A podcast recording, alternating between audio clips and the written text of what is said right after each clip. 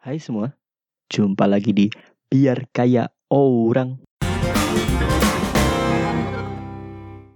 Sebelum masuk ke kelanjutan pembahasan dari buku sebuah seni untuk bersikap bodoh amat. Sebelumnya, disclaimer.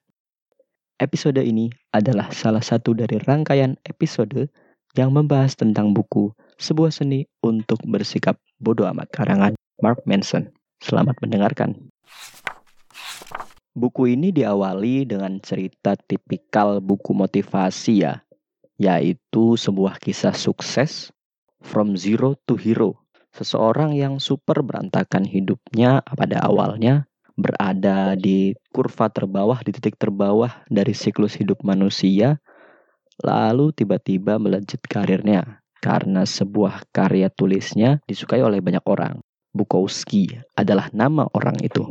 Bukowski itu memiliki pekerjaan sebagai seorang pegawai rendahan di kantor pos di sana ya, semacam kantor pos lah. Ya, digajinya sedikit, dia sebenarnya punya cita-cita untuk menjadi penulis. Namun karya tulisnya tidak diterima oleh banyak penerbit, banyak penerbit yang menolaknya. Mungkin karena penerbit itu merasa bahwasanya tulisannya tidak cukup bagus ya. Dan si Bukowski ini selain memiliki pekerjaan yang buruk, dia juga memiliki sifat yang buruk. Jadi Bukowski suka main wanita, suka mabuk-mabukan, dan seperti semua sifat-sifat jelek yang bisa ada di manusia itu melekat di Bukowski. Seiring waktu berjalan, ada sebuah penerbit yang iseng ya, yang ngasih kesempatan sekali dan terakhir untuk Bukowski untuk menghasilkan sebuah karya tulis gitu kan. Dan seperti yang bisa ditebak, Bukowski menulis sebuah karya tulisnya itu dan akhirnya meledak. Akhirnya karya tulisnya disukai oleh banyak orang.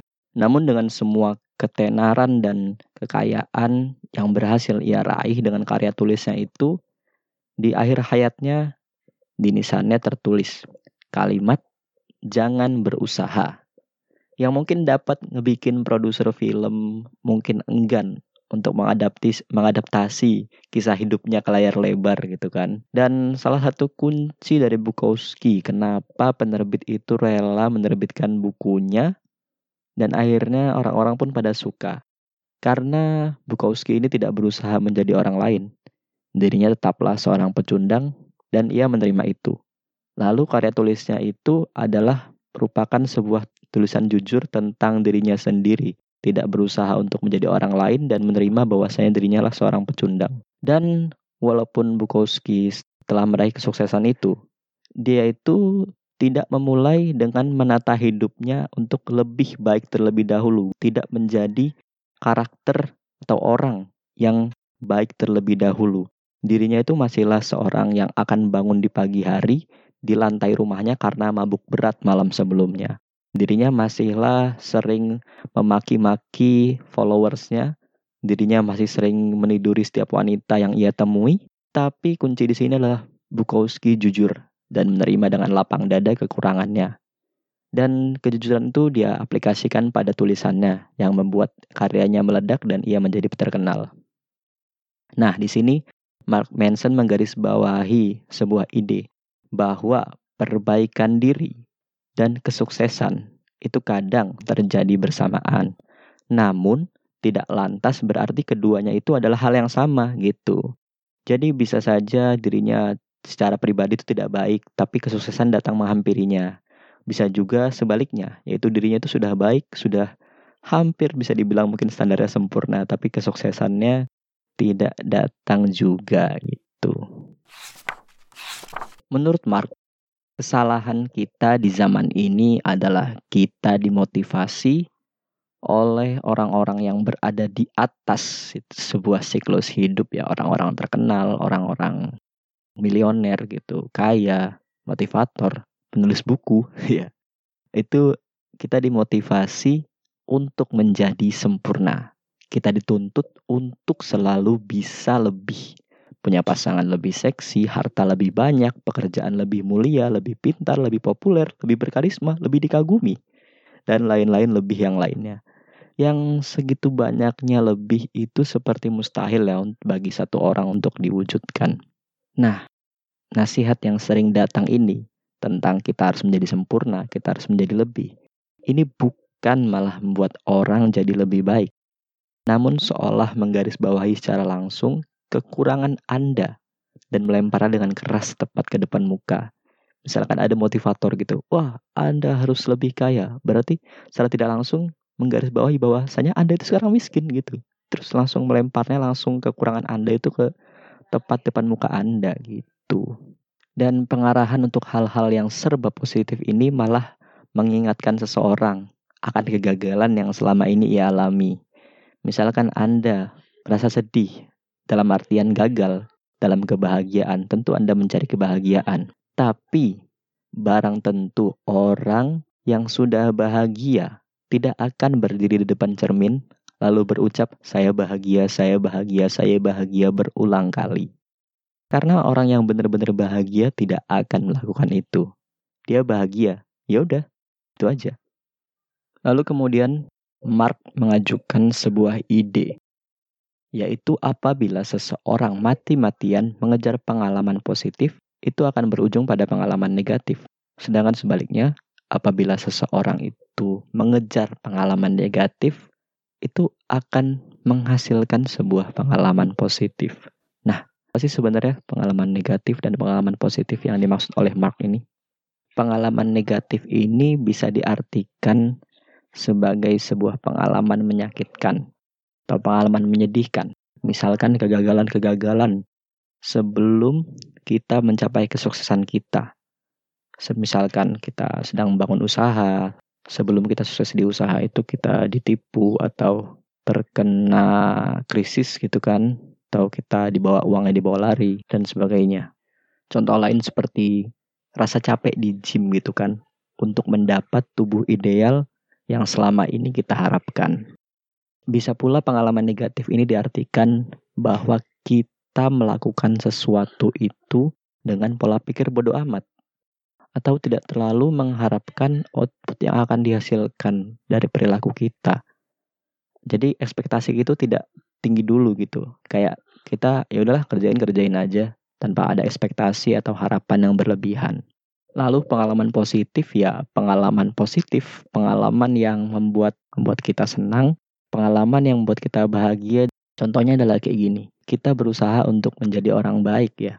Tapi sebenarnya pengalaman positif atau kita mengajar suatu hal yang positif itu itu sebenarnya ujung-ujungnya akan menjadi negatif gitu kan misalkan bisa berusaha menjadi orang baik sebuah pengalaman positif memang tapi ujung-ujungnya itu menegaskan bahwa kita itu sebenarnya tidak sepenuhnya baik gitu semakin kita berusaha untuk menjadi cakep atau kita semakin berusaha untuk menjadi cantik semakin menegaskan bahwa kita itu berkekurangan jadi ini seperti kebalikan contoh lagi misalkan ketika katakanlah kita iseng itu mengerjakan suatu hal. Namun malah terkadang hal-hal iseng itu yang menjadi titik-titik kesuksesan kita. Kan kayaknya kita sering dengar gitu ya, ah itu mas saya iseng aja, tapi tiba-tiba sukses aja gitu kan. Kan ngeselin sebenarnya. Tapi itulah yang seringnya berlaku itu. Lalu misalkan suatu tim sepak bola yang tidak dijagokan bermain sebagai underdog atau kuda hitam dan ternyata dia mampu mencundangi lawannya yang melupakan tim papan atas. Berarti hal yang seharusnya kita lakukan atau harus yang sikap yang harusnya kita ambil adalah kita harus lebih banyak mengejar pengalaman-pengalaman negatif. Pengalaman negatif yang bikin sakit hati, yang menyedihkan gitu, yang menyakitkan. Lalu kata Mark, di sinilah bersikap bodoh amat diperlukan. Bodoh amat yang seperti apa? Yaitu bodoh amat di mana kita tidak gentar menghadapi rasa sakit itu, menghadapi tantangan, pengalaman sulit, dan menakutkan saat hendak mengambil tindakan atau pertimbangan. Beberapa poin yang bisa disimpulkan dari atas ada dua, yaitu satu, perbaikan diri dan kesuksesan itu kadang terjadi bersamaan. Namun, tidak lantas berarti keduanya adalah hal yang sama. Lalu yang kedua, apabila seseorang mati-matian mengejar pengalaman positif. Itu adalah pengalaman negatif yang akan diterima selanjutnya. Sedangkan apabila orang mengejar atau mencoba merasakan pengalaman negatif dan terbuka atas pengalaman negatif itu, maka yang akan ia dapatkan adalah pengalaman positif di akhirnya. Nah, seperti itu. Lalu kita masuk ke subbab berjudul sebuah seni untuk bersikap masa bodoh. Mungkin bisa dibilang intinya kali ya. Nah, di subbab ini dituliskan tiga seni. Yang pertama, masa bodoh bukan berarti acuh tak acuh. Masa bodoh berarti nyaman walaupun berbeda. Yang kedua, untuk bisa mengatakan bodoh amat terhadap kesulitan, pertama, kita harus peduli terhadap sesuatu yang jauh lebih penting dari kesulitan. Yang ketiga, entah disadari atau tidak, kita selalu memilih suatu hal untuk diperhatikan. Oke, mungkin ini cara sebab judulnya masih sangat ini ngawang ya. Akan saya coba jelaskan ya selanjutnya. Yang pertama adalah sikap bodoh amat bukan berarti menjadi acuh tak acuh. Jadi sebenarnya kita bukan disuruh Mark untuk menjadi orang yang acuh tak acuh yang tidak memedulikan hal-hal di sekitarnya atau malah terlalu mempedulikan apa yang orang pikirkan tentang dirinya. Masa bodoh di sini adalah membedakan apa yang harus kita pedulikan. Membedakan hal nilai apa yang penting, yang harus kita peduli. Orang dengan bodoh amat yang tepat, dengan sikap bodoh amat yang benar, akan mengatakan persetan pada hal-hal yang tidak bermakna baginya demi menjaga nilai-nilai yang menurut ia benar. Contohnya, untuk menjaga nilai yang ia pegang, untuk menjaga, misalkan ia ingin menjadi seorang yang mempunyai kesuksesan atau dia sedang membangun usaha gitu ya. Dia tidak akan mempedulikan cemoohan orang, stigma atau pemikiran negatif orang tentang dirinya karena dia merasa nilai-nilai yang ia anut itu benar. Karena percayalah sebelum menjadi sosok penting itu dan berpengaruh bagi banyak orang, seseorang pasti menerima tertawaan dan cemoohan banyak orang. Iya, ini kata-kata Mark, bukan kata-kata saya ya. Lalu yang kedua adalah sebelum mengatakan bodoh amat terhadap masalah, kita harus lebih dahulu punya hal atau nilai yang kita pedulikan. Nilai dan hal itu haruslah layak diperjuangkan. Nilai dan hal itu kita harus benar-benar kita cermati tidak bisa kita mengambil nilai-nilai yang buruk karena nilai-nilai inilah yang akan kita pertahankan dari cemoohan banyak orang, dari ejekan banyak orang. Pesan Mark, apabila kita masih terlalu sering gelisah atau gusar memperhatikan hal-hal yang bahkan tidak penting atau bukan urusan kita, itu malah akan menimbulkan masalah di kemudian hari. Dan bahkan apabila kita tidak mempunyai masalah atau nilai yang kita perhatikan, otak ini otomatis akan menemukan cara untuk menciptakan suatu masalah. Ya seperti itu. Jadi kalau kita nggak punya nilai nih dalam hidup, nggak punya masalah yang kita peduliin, nggak punya apa nih keresahan gitu ya mungkin kalau kata komika. Nah itu malah kita itu akan menciptakan masalah itu sendiri, masalah lain yang mungkin malah ngeselin banget gitu ke orang-orang lain. Nah lalu yang ketiga adalah entah disadari atau tidak, kita selalu memilih suatu hal untuk diperhatikan. Nah, kalau misalkan kita flashback ya, masa saat kita kecil, semuanya itu hal-hal baru bagi kita. Jadi kita peduli akan banyak hal. Contohnya, kita peduli dengan warna baju kita yang tidak seirama. Kita peduli persepsi orang lain terhadap diri kita. Namun, seiring beranjak ke dewasa, kita menyadari bahwa hal itu ya nggak penting-penting amat gitu, pandangan-pandangan orang. Ya, kita udah mulai merasa bodoh amat itu kan tentang persepsi orang terhadap diri kita. Kita paham bahwasanya pendapat superficial orang tentang diri kita itu tidak berpengaruh banyak terhadap hidup kita tidak berpengaruh banyak terhadap jalan kesuksesan atau ya jalan hidup kita gitu mau orang ngatain kita jelek kurus bodoh atau gimana ya ujung-ujungnya hidup ini kita yang jalani bukan karena omongan orang gitu kan. Semakin lama saat kita beranjak dewasa dan akhirnya kita menua kepedulian kita akan banyak hal itu semakin berkurang. Namun penerimaan kita semakin melebar. Kita nerima kok, nggak bisa keliling dunia, nggak bisa pul e, membeli pulau pribadi sendiri mungkin, nggak bisa pergi keluar angkasa atau bisa menjadi milioner. orang terkaya di Indonesia atau bahkan di dunia. Dan hal-hal mewah lainnya lah, hal-hal yang super sempurna yang akan menjadi achievement gitu kan dan menuliskan tinta emas sejarah. Namun kebetulan kita itu akan hanya berkisar seputar teman, keluarga dan hal-hal yang sangat sentimental pribadi lainnya. Dan sesungguhnya itulah yang membuat kita dari awal kita hidup dan sampai kita dewasa dan atau bahkan mati itulah hal-hal yang sebenar-benarnya membuat kita terus bahagia. Jadi kita terlalu banyak mengejar nilai-nilai atau hal-hal yang dibilang kebahagiaan fana lah. Dan menurut Mark yang menjadi kunci itu adalah penyederhanaan. Penyederhanaan terhadap apa-apa yang harus kita pedulikan.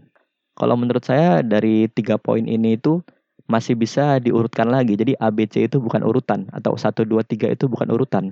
Tapi menurut saya sebagai peringkasan dari tiga nilai tadi adalah pertama nih. Kita itu harus menemukan nilai, hal yang layak kita perjuangkan, nilai yang benar, nilai yang memang kalau misalkan kita pertahankan itu akan selalu relevan dan selalu benar. Selanjutnya Mark akan membahas nilai-nilai apa saja yang harusnya kita pertahankan dan nilai-nilai apa saja yang sebenarnya itu walaupun uh, mungkin standarnya itu baik tapi sebenarnya itu buruk gitu. Tapi di bab-bab selanjutnya nanti. Nah, selanjutnya setelah kita mempunyai nilai-nilai ini saran saya adalah sederhanakan lagi ya. Hal-hal apa saja, nilai-nilai apa saja yang sebenarnya patut lebih patut dipedulikan dibanding nilai-nilai lainnya. Nilai-nilai mana yang kira-kira mungkin akan bisa menjadi toksik di kemudian hari. Saran saya sederhanakan lagi dan pilihlah beberapa nilai saja yang memang menjadi sebuah harga mati. Lalu, telah tersisa beberapa nilai, katakanlah bodoh amat terhadap kesulitan-kesulitan, rasa sakit-rasa sakit yang akan dialami saat kita mempertahankan nilai-nilai tersebut sebagai dasar kehidupan kita. Lalu untuk mengakhiri bab 1, Mark membeberkan inti dari buku ini ya kayak semacam portal komplek gitu ya yang kita dibebaskan untuk masuk lebih dalam atau berhenti dan urung mengetahui lebih lanjut isi dari buku ini. Inti dari buku ini di spoiler oleh Mark sebenarnya sedikit banyak akan membantu untuk memilih nilai-nilai apa saja yang harusnya dipedulikan dan mana yang harusnya ditinggalkan dalam kehidupan ini. Lalu mengajari sedikit cara untuk menerima kenyataan bahwa sebaik apa pun kita berusaha, hal-hal tidak menyenangkan atau menyakitkan itu atau masalah itu akan selalu ada. Jadi penyangkalan masalah itu menurut Mark adalah salah satu uh, racun juga ya dalam kehidupan di masa sekarang itu. Dan sebab penyangkalan bahwasanya tidak punya masalah itu karena sebenarnya kita dituntut untuk menjadi sempurna tanpa masalah. Lalu Mark meyakinkan bahwasanya untuk menjadi tidak sempurna atau mempunyai banyak masalah itu tidaklah memalukan. Itu. Buku ini tidak akan memberitahu bagaimana meringankan, meringankan masalah atau apalagi menyangkal sebuah masalah yang kita punya dan juga tidak akan meringankan rasa sakit akibat masalah tersebut. Dan juga buku ini bukan sebagai panduan ya untuk mencapai ilusi keagungan atau kesuksesan yang selama ini ada dalam pikiran kita. Nah, buku ini menurut Mark akan membuat rasa trauma menjadi kekuatan bagaimana cara mengambil tindakan yang lebih tepat dan lebih bermakna. Dan juga bukan pula ditujukan untuk mencapai sesuatu, untuk mencapai target tertentu, namun bagaimana cara berlapang dada dan membiarkan sesuatu pergi.